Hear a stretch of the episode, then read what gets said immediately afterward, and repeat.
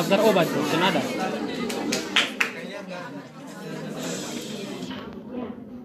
Sekarang eh, kita akan belajar mekanisme imunologi yang langsung ke penyakit ya.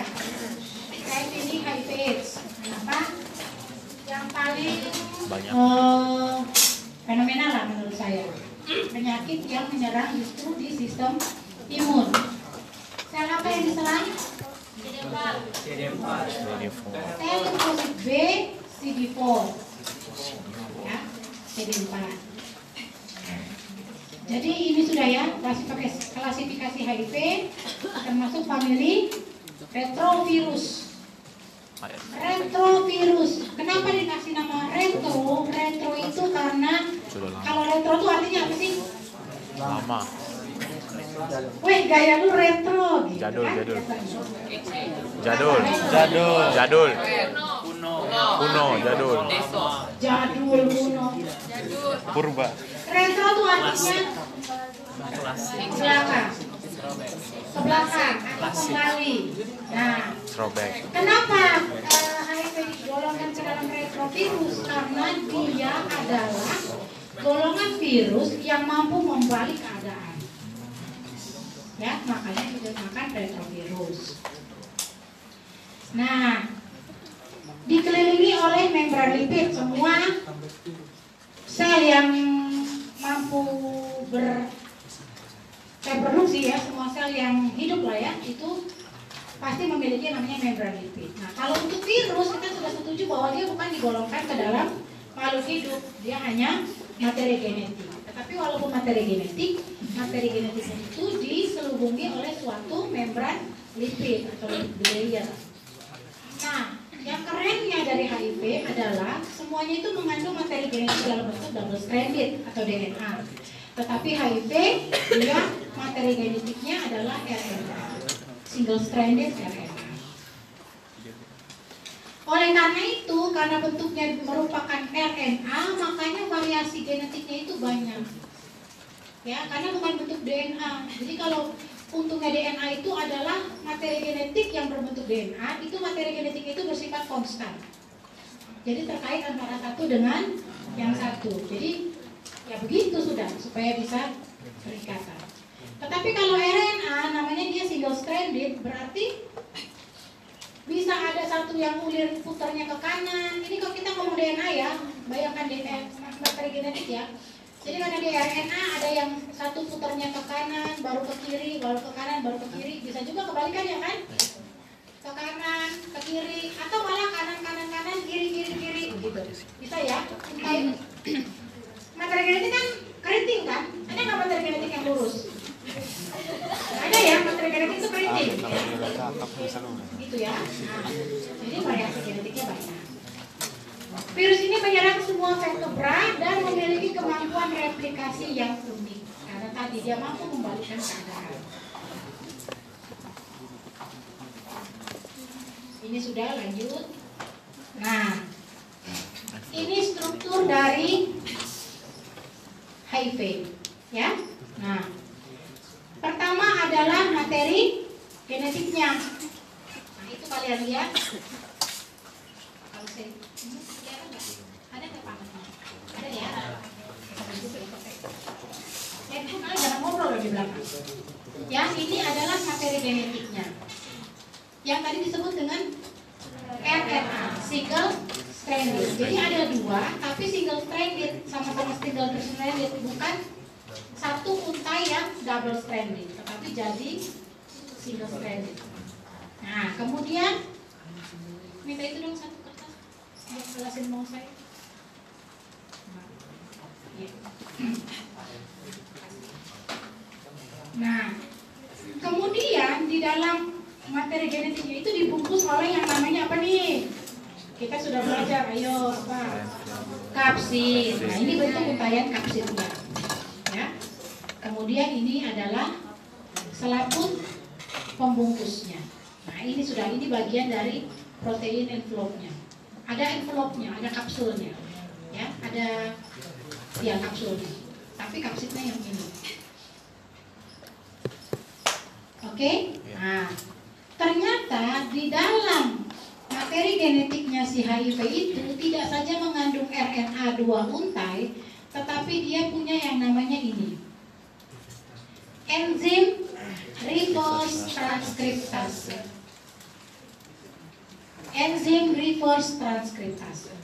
Inilah yang membuat HIV digolongkan ke dalam virus retrovirus. Kenapa? Karena reverse transkriptase ini mampu merubah atau membolak-balikan keadaan di mana? Dogmanya itu harusnya kan dari DNA DNA yang double stranded kemudian dipecah menjadi DNA yang single stranded ya kan? Kemudian di transkripsi kan transkripsi jadi RNA kemudian RNA itu yang dibentuk lagi menjadi translasi menjadi protein kalau mau jadi protein dong nah kalau ini enggak. Kalau ini dia dari RNA makanya dia reverse. Artinya reverse itu apa? Kembali nah itu dia punya enzim yang namanya reverse transkriptase kemudian dia juga punya enzim yang namanya ini. Enzim apa ini? Protease. Berarti kalau namanya protease berarti dia kemampuannya dia mampu memecah protein. Nama enzim itu gampang. Namanya apa sudah protease. Oh berarti dia pecah. Protein. Ini. Ya. Kemudian dia punya yang namanya nih enzim. Enzim integrasi enzim integrase inilah yang membuat sekali sel-selmu, sel-sel CD4mu sudah diinfeksi oleh HIV, maka tidak ada kemungkinan untuk melepaskan diri. Ya, jadi kalau sudah punya HIV positif, selamanya akan HIV positif. Karena dia punya yang namanya integrasi.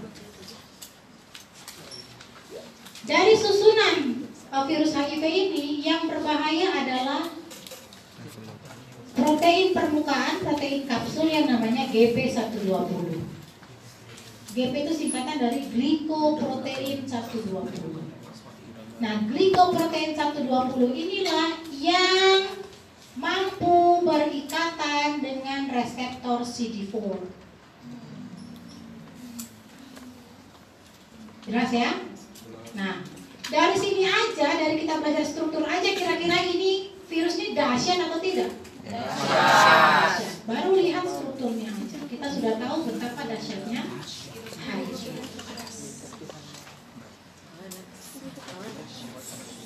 Oke. Bagaimana sih HIV itu masuk ke dalam sebuah sel?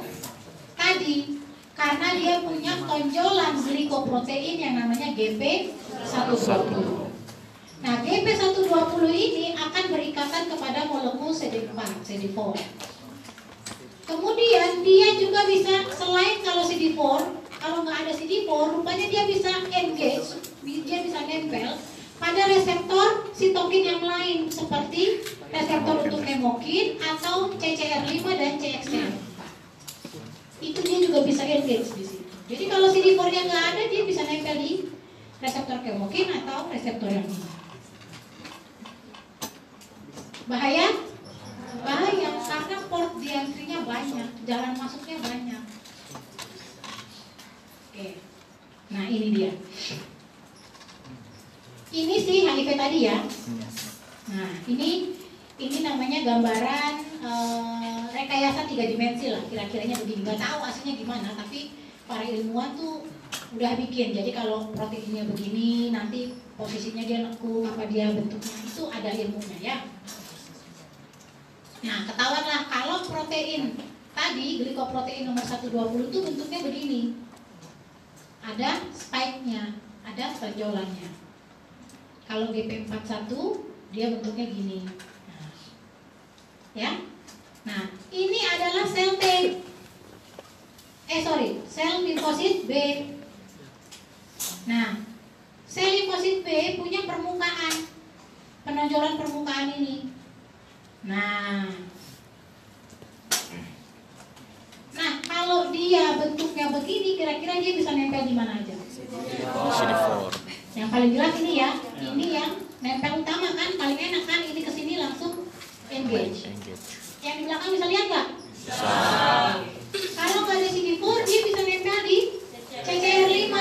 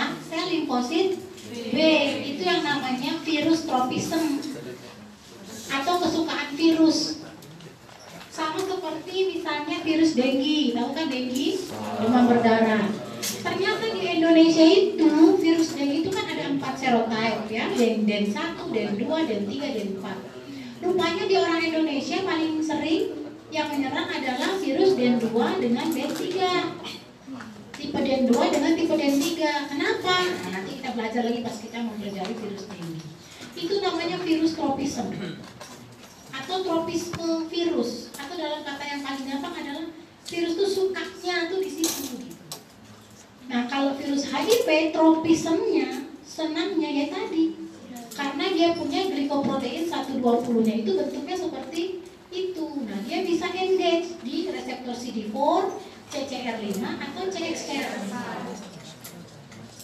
Ngerti? Nah itu semua reseptor itu kebetulan ada di dinding sel dari sel limfosit B CD4. Jelas ya? Oke. Jadi kalau GP120-nya udah keluar, dia udah engage di dalam eh, reseptor CD4, sudah. Jadi begini ya. Ini kan virus masuk, keluar, dikeluarin virus baru. Jadi kalau virus ke sel transmisi atau sel to sel transmission, ini begini, begini, begini, begini, jadi nempel, pokoknya cepat lah. Kalau satu satu satu virus yang viable, yang yang poten, yang ada kuat, mampu menginfeksi satu sel B CD4 positif, maka ini kejadiannya akan tercipta virus-virus baru. Kenapa tercipta virus-virus baru? Karena tadi dia punya yang namanya inter begitu dia sudah nempel GP120 nya sudah nempel dia udah engage sama sel B maka dia akan melubangi membran sel kemudian dia akan memasukkan enzim integrase ini ke dalam materi genetik dari sel limfosit B kemudian dia akan menempelkan materi genetiknya limfosit B dengan materi genetiknya dia sendiri Akibatnya apa? Setiap kali si limfosit B yang sudah terinfeksi bereplikasi menghasilkan limfosit baru, limfosit baru, dia juga akan menghasilkan HIV HIV baru. Makanya sulit, sulit dihilangkan, nggak bisa. Dok, ada kok obat HIV orang-orang udah pada minum sembuh kok dok? Iya, itu memang obat HIV, tetapi bukan obat untuk mematikan tetapi obat yang membatasi laju pertumbuhan atau menurunkan copy number dari HIV-nya. Kenapa? Karena kalau copy numbernya sedikit, dia tidak terlalu merusak HIV-nya. Kan tidak terlalu limfosit B yang mati kan, tidak sedikit kan. Jadi dia masih bisa melakukan fungsi imunologinya. Itu ceritanya.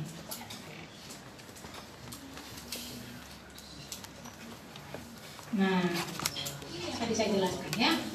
Jadi ini HIV masukkan ke dalam sel dari GP120-nya itu. Kemudian dia masuk reverse transkriptasenya itu dia akan apa? Mengubah ya dari RNA jadi DNA. Kemudian berubahlah dia jadi DNA. yang tadi awalnya RNA menjadi DNA yang sama dengan DNA manusia.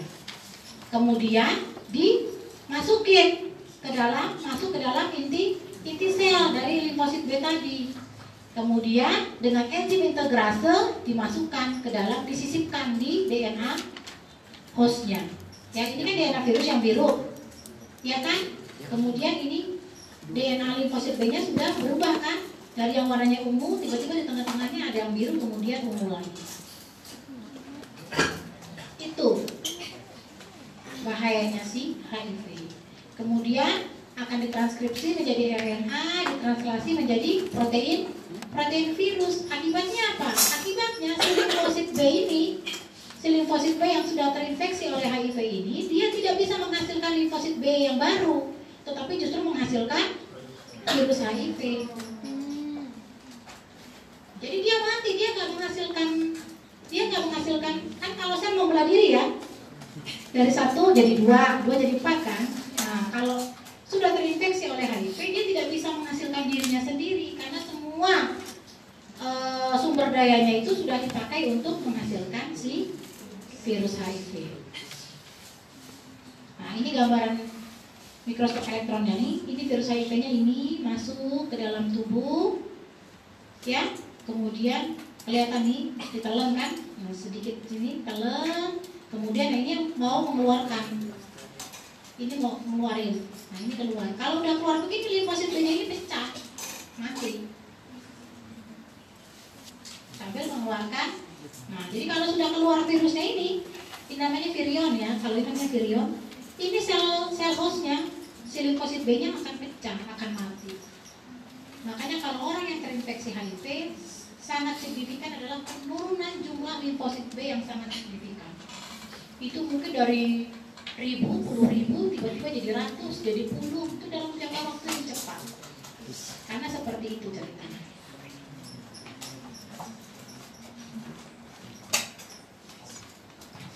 Oke, nah ini yang tadi ya, yang init ya, ada neutrofil, makrofag, sel limfosit dengan NK sel. Nah, dia mengeluarkan nih sitokin-sitokinnya nih. nih. Kalau makrofag mengeluarkan mediator inflamasi, dia bisa jadi APC.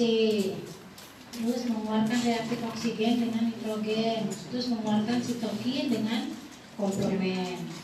Dendritik juga sama sel dendritik. Dia mengeluarkan interferon sitokin. NK sel interferon dengan aktivasi makrofag. Nah, ini gimana peranan sitokin pada patogenesis HIV? Kalau kalau ya ini yang nomor satu nih. Limfosit B-nya itu sudah diisi oleh uh, sel T, eh uh, HIV, maka selain sebelum dia pecah, maka dia akan aktif mensekresi proinflamatori sitokin sebenarnya. Awalnya adalah sebagai tanda atau untuk memberitahu kepada sel imun yang lain bahwa dia sedang dying, bahwa dia sudah kalah oleh suatu virus. Gitu. Ya, nah, apa yang aktif dihasilkan? Nah ini TNF alpha, interleukin 1, interleukin 6, interleukin 10 dengan interferon gamma. Interferon gamma ini baru umum dihasilkan oleh sel-sel imun yang diinfeksi oleh golongan virus. Ya, jangan tanya kenapa itu Tuhan Allah punya misteri. Tapi kalau dia diinfeksi oleh virus, pasti dia aktif mengeluarkan interferon. Ya. Nah, akibatnya dia hanya akan mensekresikan ini si limfosit B tadi. Tapi dia kehilangan dia tidak mensekresikan IL2 dengan IL IL12. Padahal dua ini perlu untuk mekanisme antagonistik tadi. Ya?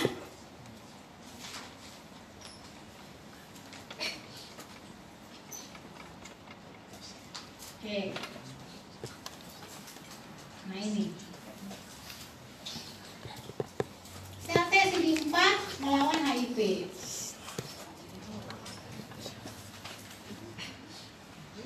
Perannya sel T CD 4 itu pertama dia akan membangun membuat serangkaian respon imun adaptif ya. Kemudian diaktivasinya oleh sistem imun inert tadi dengan mengeluarkan si inertnya mengeluarkan makrofag mengeluarkan sitokin. Sitokinnya nempel di limfosit B limfosit B aktivasi ya kan? Kemudian dia akan memfasilitasi sel T CD8 untuk membunuh patogen. Nah, kemudian juga menyediakan sinyal. Nah, sinyal ini sitokin ya, provide signal and growth factor for proper immune response. Jadi menyediakan sitokin, menghasilkan sitokin untuk kaskade pembunuhan selanjutnya. Masalahnya di HIV, HIV justru menginfeksi CD4. Dia tidak menginfeksi yang lain.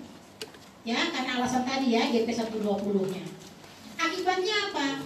Karena dia menginfeksi CD4, berarti nilai CD4-nya akan berkurang drastis.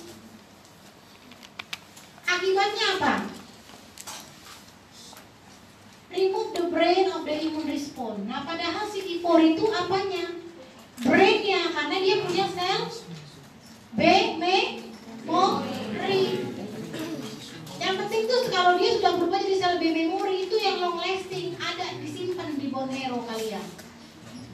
Makanya kalau udah kena campak, nggak kena lagi, itu karena kalian punya memori sel. B memori kalian itu yang teraktivasi untuk kena campak atau yang sudah divaksin yang lain. Terus kalau ada CD4 yang masih hidup, maka si HIV itu akan menjadikan CD4 itu sebagai rumahnya. Kenapa? Supaya tidak dieliminasi oleh sel T. Ngerti gak? Kalau dia sudah keluar, kalau dia sudah keluar, sudah jadi virus HIV beredar-edar, masih ada kemungkinan dia dimakan oleh sel imun yang lain, ya oleh makrofag, oleh natural killer dengan mekanisme yang walau-walau lah, pokoknya Tuhan yang tahu. Tetapi kalau dia si dia nggak mau keluar, mungkin dia ngerasa apa environmentalnya lingkungannya itu kurang bagus untuk dia bermultiplikasi, dia akan dorman aja di dalam sel CD4 itu. Supaya apa? Supaya selamat nggak dimakan oleh sel T CD8. Karena kan MHC kelas satunya tetap tetap ada. Jadi tidak dikenali oleh sel T sitotoksik sebagai non sel. Makanya ada juga fase laten pada HIV. Begitu kita ter, begitu terinfeksi oleh HIV ada sekitar 5 sampai 10 tahun masa laten sebelum berubah menjadi yang namanya AIDS. Nah itu kejadiannya di sini. Karena si virus itu hanya dorman saja di CD4 itu. Bisa dieliminasi, tidak bisa. Siapa yang bisa eliminasi? Orang sistem imun aja nggak kenal, karena dianggap sel, bukan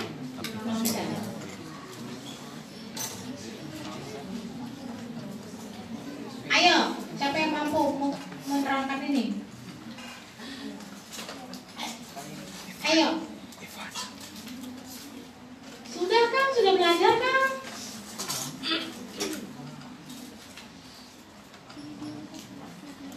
Yang brainnya itu ini, memori T sel itu yang tadi bilang otaknya ini ya brain ya, memori T sel.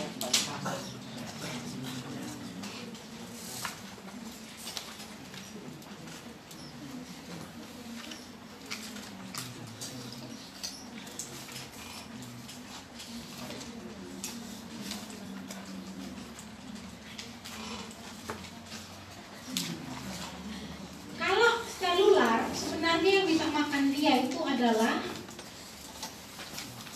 APC tadi, makrofag sama sel dendritik. Jadi kalau ada makrofag atau sel dendritik ketemu sama CSP yang tidak masuk di dalam CD4, mereka akan akan telan, akan telan kemudian di pecah-pecah kan, dipecah-pecah kemudian komponennya itu dimasukkan ke dalam eh di eh, presentasikan di dinding sel sehingga itu dikenali oleh sel T sitotoksik itu aman bisa langsung dimakan bisa sebenarnya masalahnya kalau dia langsung ternempel di CD CD4 kalau gitu gampang kan hilangin penyakit HIV hilangin aja CD4 nya manusia kan selain di luar CD4 CD4 sebenarnya dia bisa dimakan kan? Sebenarnya bisa dieliminasi kan? Bahayanya kalau dia nempel di CD4 terus laten di dalam kan? Berarti kan gampang. Kalian sama nggak sih logikanya sama saya? Iya. Berarti kan hapus aja toh CD4-nya.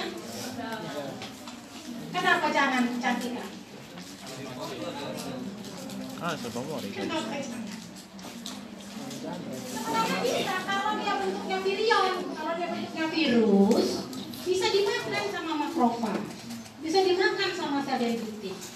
Tapi memang tidak bisa di, tidak bisa dimatikan di dalam makrofag.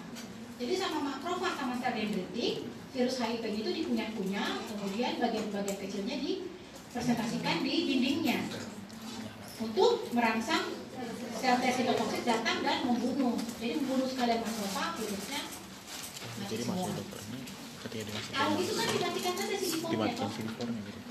Bisa nggak? Jadi silver itu semua. Nggak bisa, kita nggak mungkin hidup tanpa CD4 karena yang punya sel memori adalah si CD4. Tinggal pilih lu wakil dari Ngerti? Itulah makanya menangani HIV itu seperti buah si malakama. Dia nggak akan bisa sembuh ya. Ingat, kalian mau kedokteran, jangan kau pergi ke mana-mana bilang ini.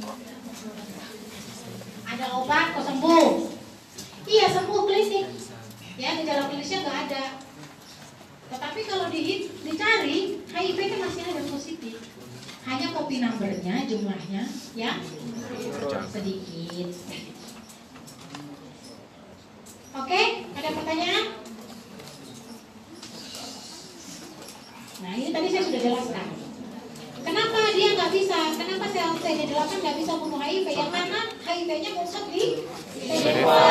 Kecuali kalau HIV-nya udah ditelan sama makrofag, makrofag sudah di APC ya dimakan.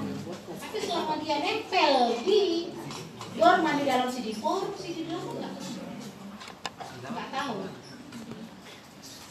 Itu juga makanya yang buat susah untuk pembuatan vaksin HIV. Kenapa? Karena terminologi dalam ilmu vaksinologi ya dalam ilmu pembuatan vaksin yang kita lakukan itu sebenarnya main-main dengan sel beta memori, sel B memori. Ya kita kasih antigen, kan? Kita paksa si sel B-nya kenalin. Ini loh saya kasih kamu antigen, kenalan. Kenalan supaya dia pulang ke rumahnya dia bikin antibodinya. Eh tadi saya kenalan sama antigen baru. Namanya Andika, bentuknya lonjong-lonjong. Terus kata temannya, oke ayo kita bikin, yuk kita bikin dalam yang Bikin, simpen kan? Begitu masuk, lain kali masuklah si Andika, antigen Andika yang bentuknya lonjong bulat-bulat gitu, dia sudah punya sudah punya yang spesifik terhadap dia. Itu loh, vaksin imunisasi imunisasi itu aja intinya. Di HIV nggak bisa. kan dia punya. Kenapa? Karena dia Berarti kan bikin vaksin terhadap self toh. Iya. ya, Bikin vaksin terhadap self toh. Yang kita mau hantam kan dia CD4 yang, yang mengandung Yang mengandung HIV kan. Jadi kita mau bikin vaksin terhadap sel. Yang ada yang ada CD4 yang mengandung HIV-nya mati dan kita pun juga menyeberang ke Sungai Yordan. Nanti hanya kalau dalam HIV AIDS lebih lebih bagus mana? Lebih penting mana? Pencegahan atau pengobatan? Oke, ada pertanyaan? Silakan. Kan ini dengan itu. amin amin. Ada dua pertanyaan. Eh, pertama, Wah, suaranya saya sudah menolong sini. di dalam sel nor, di dalam sel yang normal itu ada interferon. Interferon ini apabila Mon. Bukan kamu. ya, apakah sel imun ada interferon juga? Iya, bisa. Cuma tadi bukan karena interferon. Nah, Kan interferon itu blokir ya. Ya.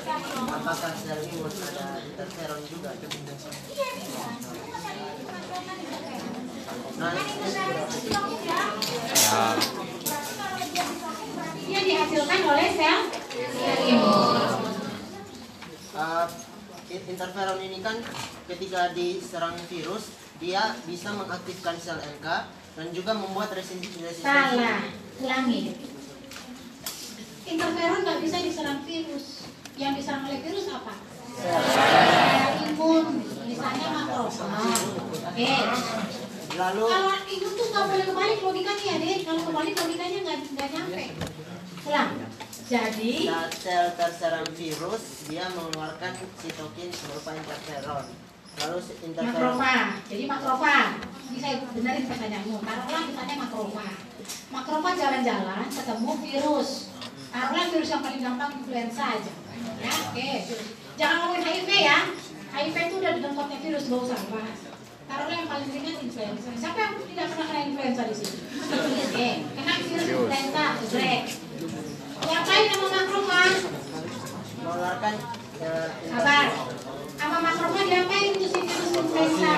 Di telan. Ditelan. Begitu si makrofag menelan si virus influenza, makrofag ini akan mengeluarkan interferon. Kan sitokin interferon. Jelas nggak? Dia akan mengeluarkan interferon. Lanjut pertanyaannya guys. Itu dulu supaya kita semua sepaham. Lalu dia eh, bekerja dua, pertama aktifkan sel NK untuk guna, bunuh virus tersebut, lalu membuat resistensi sel-sel di sekitarnya sehingga ketika terjadi replikasi pada virus ini, ketika dia mau masuk ke sel yang lain, mereka sudah tahu ini virus yang sudah dikasih kode sama interferon. Lalu pada HIV, kenapa hal itu tidak terjadi? Kenapa tetap saja virus ini dapat bereplikasi pada sel CD4 yang lain? Ayo, siapa yang bisa? Saya sejelaskan ini. Kenapa? Kenapa waktu waktu di waktu di si dari mana kita mulainya dalam maunya mulainya dari mana? Dari Interferon. Kita cerita interferon dulu ya. Oke, lanjut dari ceritanya si dalam baru ke HIV. Jadi ceritanya gitu. Makrofag misalnya. Inet dulu kan selalu mulai dengan inet. Makrofag. Jalan-jalan jalan-jalan ketemu virus influenza. Dia akan makan si virus influenza. Ketika dia makan, saya sudah jelaskan di awal tadi ya, bisa dikunyah, bisa di ledakan bisa segala macam. Tapi mungkin virus ini dia susah untuk dikunyah sama si makrofag. Maka makrofag akan mengeluarkan sitokin yang namanya interferon gamma. Karena penyebabnya apa? Virus. Makanya dia keluarin interferon gamma. Dia sebarkan interferon gamma itu untuk apa? Panggil, minta tolong, tolong, tolong, tolong. Saya nggak bisa pakai ini di barang nih panggil interferonnya pergi kemudian dia akan nempel di interferon yang saya keluarkan yang dikeluarkan oleh makrofag ini akan nempel di mana tadi? NK akan nempel di NK sel. The great. Interferon gamma itu nempel di, di NK sel. Begitu NK sel itu ditempeli oleh interferon, interferon gamma yang dihasilkan oleh makrofag yang ini NK selnya ini juga akan mengeluarkan yang tadi saya bilang apa? Kemo kemokin untuk tahu nih mana nih? Kan dia nggak punya mata. Dia nggak tahu mana sel yang sakit. Dia keluarin tuh kemokin keluarinnya random aja semprot aja kiri kanan kiri kanan sampai nempel di mana saya pergi ke situ gitu kan begitu aja kalau seperti ini jadi si NK selnya ini keluarin kemokin untuk kemo kemo atraktan NK sel udah keluarin kemokin maka kemokin ini akan kembali nempel di makrofag yang dying tadi yang menelan virus influenza maka NK sel yang di sini dia akan pergi dia akan pergi namanya kemoatraktan yang atraktan itu menarik toh hmm. dia akan pergi ke situ jegrek nempel lah si NK sel di makrofag nempel di reseptor-reseptor tertentu ya dek nanti pelajari lagi ada reseptor-reseptornya begitu nempel natural killer akan keluarkan dia punya perforin untuk keluarin apa lubang-lubang makrofag dan dia akan meledakkan si makrofag yang mengandung virus influenza itu. Itu dulu ceritanya. Kita udah jelas di sini? Oke. Kenapa di HIV tidak seperti itu?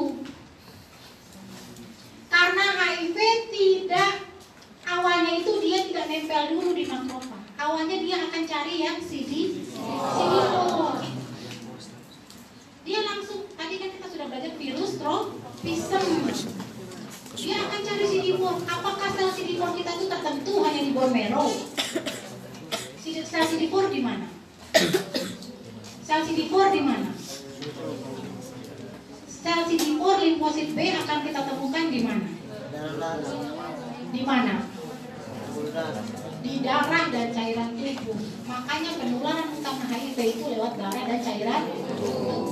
Karena virusnya itu akan ketemu dengan CD4. Makanya dia langsung masuk dalam. Begitu dia masuk, terus sama CD4 diapain? Diapain sama CD4? Penetrasi. CD4 juga akan mengeluarkan interferon gamma. Kasih sinyal ke sekelilingnya bahwa saya sudah disusupi oleh intruder. Tapi apa yang bisa dilakukan oleh CD4-nya itu? Tidak bisa buat apa-apa. Kenapa? Materi genetik si virus udah masuk ke materi genetik saya itu nggak akan bisa dikenali oleh sistem imun kita kalau sudah masuk ke dalam level materi genetik atau inti sel. Karena sistem imun kita mengenali non sel itu dari antigen permukaan. Ngerti? Ngerti. Ngerti nggak Bang? Ngerti. Makanya dia nggak bisa apa-apa. Makanya dia laten juga di situ. Kalau misalnya si virus bebas misalnya, virus HIV bebas misalnya, entah kata dia sudah jalan-jalan ya, sudah jalan-jalan, ketemu makrofa yang perlakuan sama sama makrofa yang tadi. Jadi sebenarnya yang masuk ke kita, badan kita bisa eliminasi. Tetapi virus yang masuk ke CD4 itu yang kita tidak bisa atasi. Karena dia sudah engage di dalam materi genetik dia sudah terintegrasi sudah terintegrasi ke dalam materi genetik CD4 nggak bisa dikenalin sama sistem imun. Sistem imun hanya bisa membahas berdasarkan antigen bukan apa yang ada di dalam inti sel jelas ada lagi ya silakan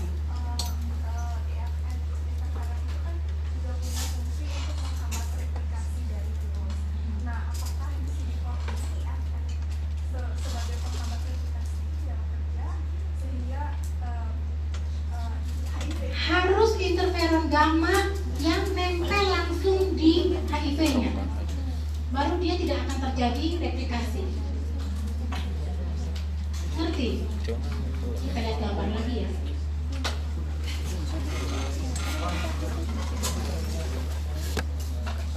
Eh, salah.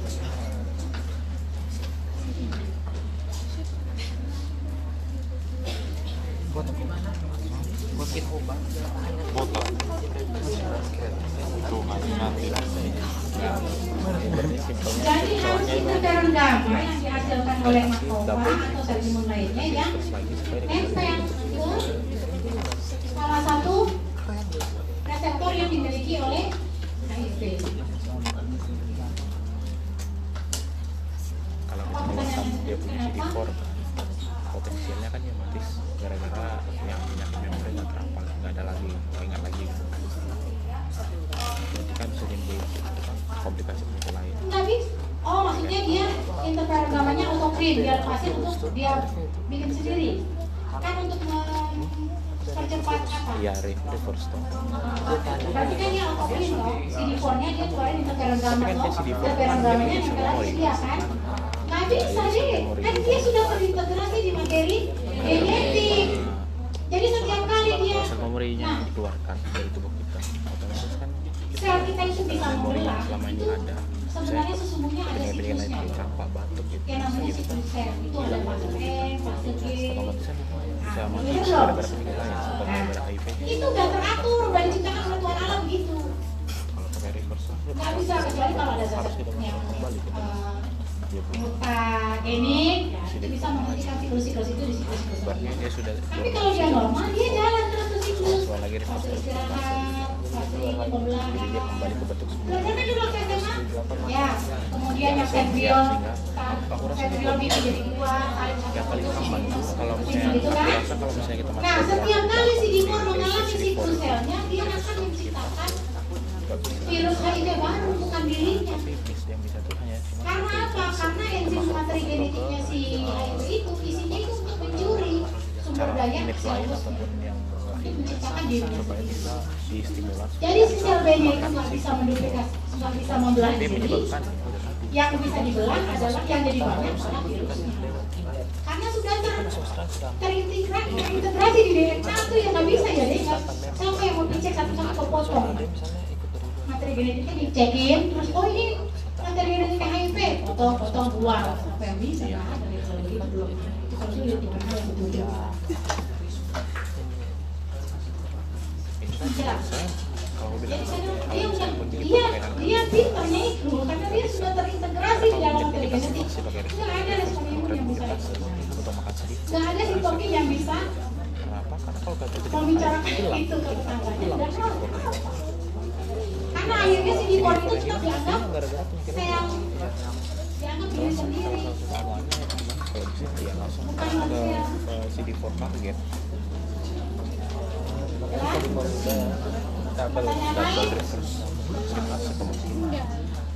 ya dalam kayak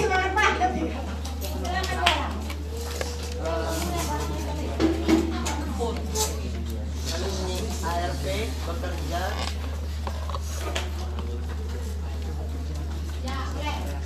ARP bekerja dengan cara menghambat virus lalu virus ini kan virus HIV ini kan ada di dalam sel sel CD4 apakah dengan apakah maksudnya juga menghambat replikasi dari CD4 berarti apa bedanya dengan tidak diberikan ARP atau akhirnya CD4 nya juga tidak dapat bereplikasi atau dipecah? Kalau tidak diberikan CD4, kalau tidak diberikan antiretroviral terapi, maka dia akan begini terus. Satu CD4, satu CD4 yang terinfeksi, terinfektif itu dia bisa menghasilkan 10 pangkat 6 virion HIV. Satu CD4. satu juta. Ya jadi bukan berarti satu CD4 begitu dia harusnya membelah jadi CD4 juga dia menghasilkan satu virus HIV. Tidak. Satu CD4 itu bisa menghasilkan 10 pangkat 4 sampai 10 pangkat 6 virion virus HIV baru. Walaupun di antara 10 pangkat 4 sampai 10 pangkat 6 itu ada yang salah buat. Ya ini virus itu kan kayak pabrik gitu loh. Kayak pabrik jadi dia bikin sel. Nanti dari yang dikeluarin itu mungkin yang yang infektif yang benar-benar sempurna yang begini yang lengkap enzimnya semua semuanya barangkali ya cuma sekitar seribuan. Selebihnya itu yang dimakanin sama makrofag tapi yang infektif yang beneran begini. Kan kalian tahu ya bentuk infektif itu adalah bentuk yang bisa menginfeksi. Tapi kalau virus itu sekali produksi itu nggak berarti seribu misalnya produksi seribu seribu seribunya infektif nggak? Itu fenomena kalau di virus itu namanya bottleneck fenomena. Tahu nggak bottleneck? Tahu nggak di botol bir Tahu. Dan bawahnya kan gede kan? Gede itu karena volumenya yang dihasilkan banyak. Tetapi yang infektif itu begitu mulai kena di lehernya itu udah tinggal sedikit. Karena hanya sedikit yang mampu sempurna begitu. Kapsitnya ada integrasinya ada eh, reversinya ada semuanya ada tuh sedikit. Gitu galang. Jadi kenapa masih minum ARV mengurangi. Jelas jelas nggak jangan gini-gini galang belum jelas Jadi kenapa masih minum ARV? Untuk mengendalikan jumlah si virus infeksi itu tetap berada pada level yang tidak menimbulkan gejala klinis. Itu gila kok galang. Jelas galang. Jadi jelas ada bedanya. Berarti misalnya dari 1 juta atau ada yang video yang menghasilkan video dari dulu CD4 nya ya, naik karena mungkin ada yang, yang gagal gagal pembuatan video Jadi ini misalnya 5.000 ahli tambahan. AIDS itu bilang 5.000 terapi ARV antiretroviral terapi itu diberikan kalau nilai kopi number CD4 nya itu berapa begitu sekarang udah enggak deh. Begitu dicek HIV positif langsung kasih ARV jadi nggak pakai tunggu dulu kapan jumlah CD4 nya berapa jumlah kopi nomor virusnya berapa baru kasih enggak. Sekarang sekarang begitu kita ke klinik VCT tahu kan klinik VCT begitu kita ke klinik VCT di, positif HIV langsung diberikan ARV tapi otomatis ya ini kan boleh dibilang dia semacam kayak ARV itu kayak semacam antibiotik berarti penggunaannya harus Ya. dengan penuh tanggung jawab karena berhubungan dengan resistensi. Jadi minum ARV itu sama kayak minum obat tuberkulosis, anti tuberkulosis. Jadi kalau dibilang kamu minum tiap hari satu, minum tiap hari satu. Karena begitu kamu lo, kamu kacaukan jadwal pengobatanmu, HIV sudah ribuan fenomena. Dia sudah bisa mengatasi bagaimana. Dan sampai sekarang belum ada obat antiretroviral yang lain selain si itu. Belum ditemukan lagi. Jadi jaga baik-baik itu ARV dengan baik. Jadi kalau disuruh minum, mungkin ya saya tidak saya tidak bilang kalian HIV tidak. Maksudnya mungkin ada kenalan, keluarga atau apa yang dinyatakan sebagai HIV positif, tolong jadi agen perubahan yang baik. Diingatkan dia untuk terus minum obatnya. Apakah menolong ARV? Menolong, menolong taraf hidup. Kalau tidak dengan ARV, barangkali dalam waktu lima tahun sudah jatuh dalam sindrom AIDS, setahun dua tahun mati. Atau berapa bulan kalau sudah jatuh dalam sindrom AIDS itu berapa bulan? Tapi kalau dia minum ARV reguler, baik sesuai atau sesuai dosis, bisa lama. Lifespan-nya itu bisa panjang. Ya, tapi dengan menjaga ya kebersihan, hygiene, jangan ya pokoknya jaga kesehatan supaya jangan sakit intinya kan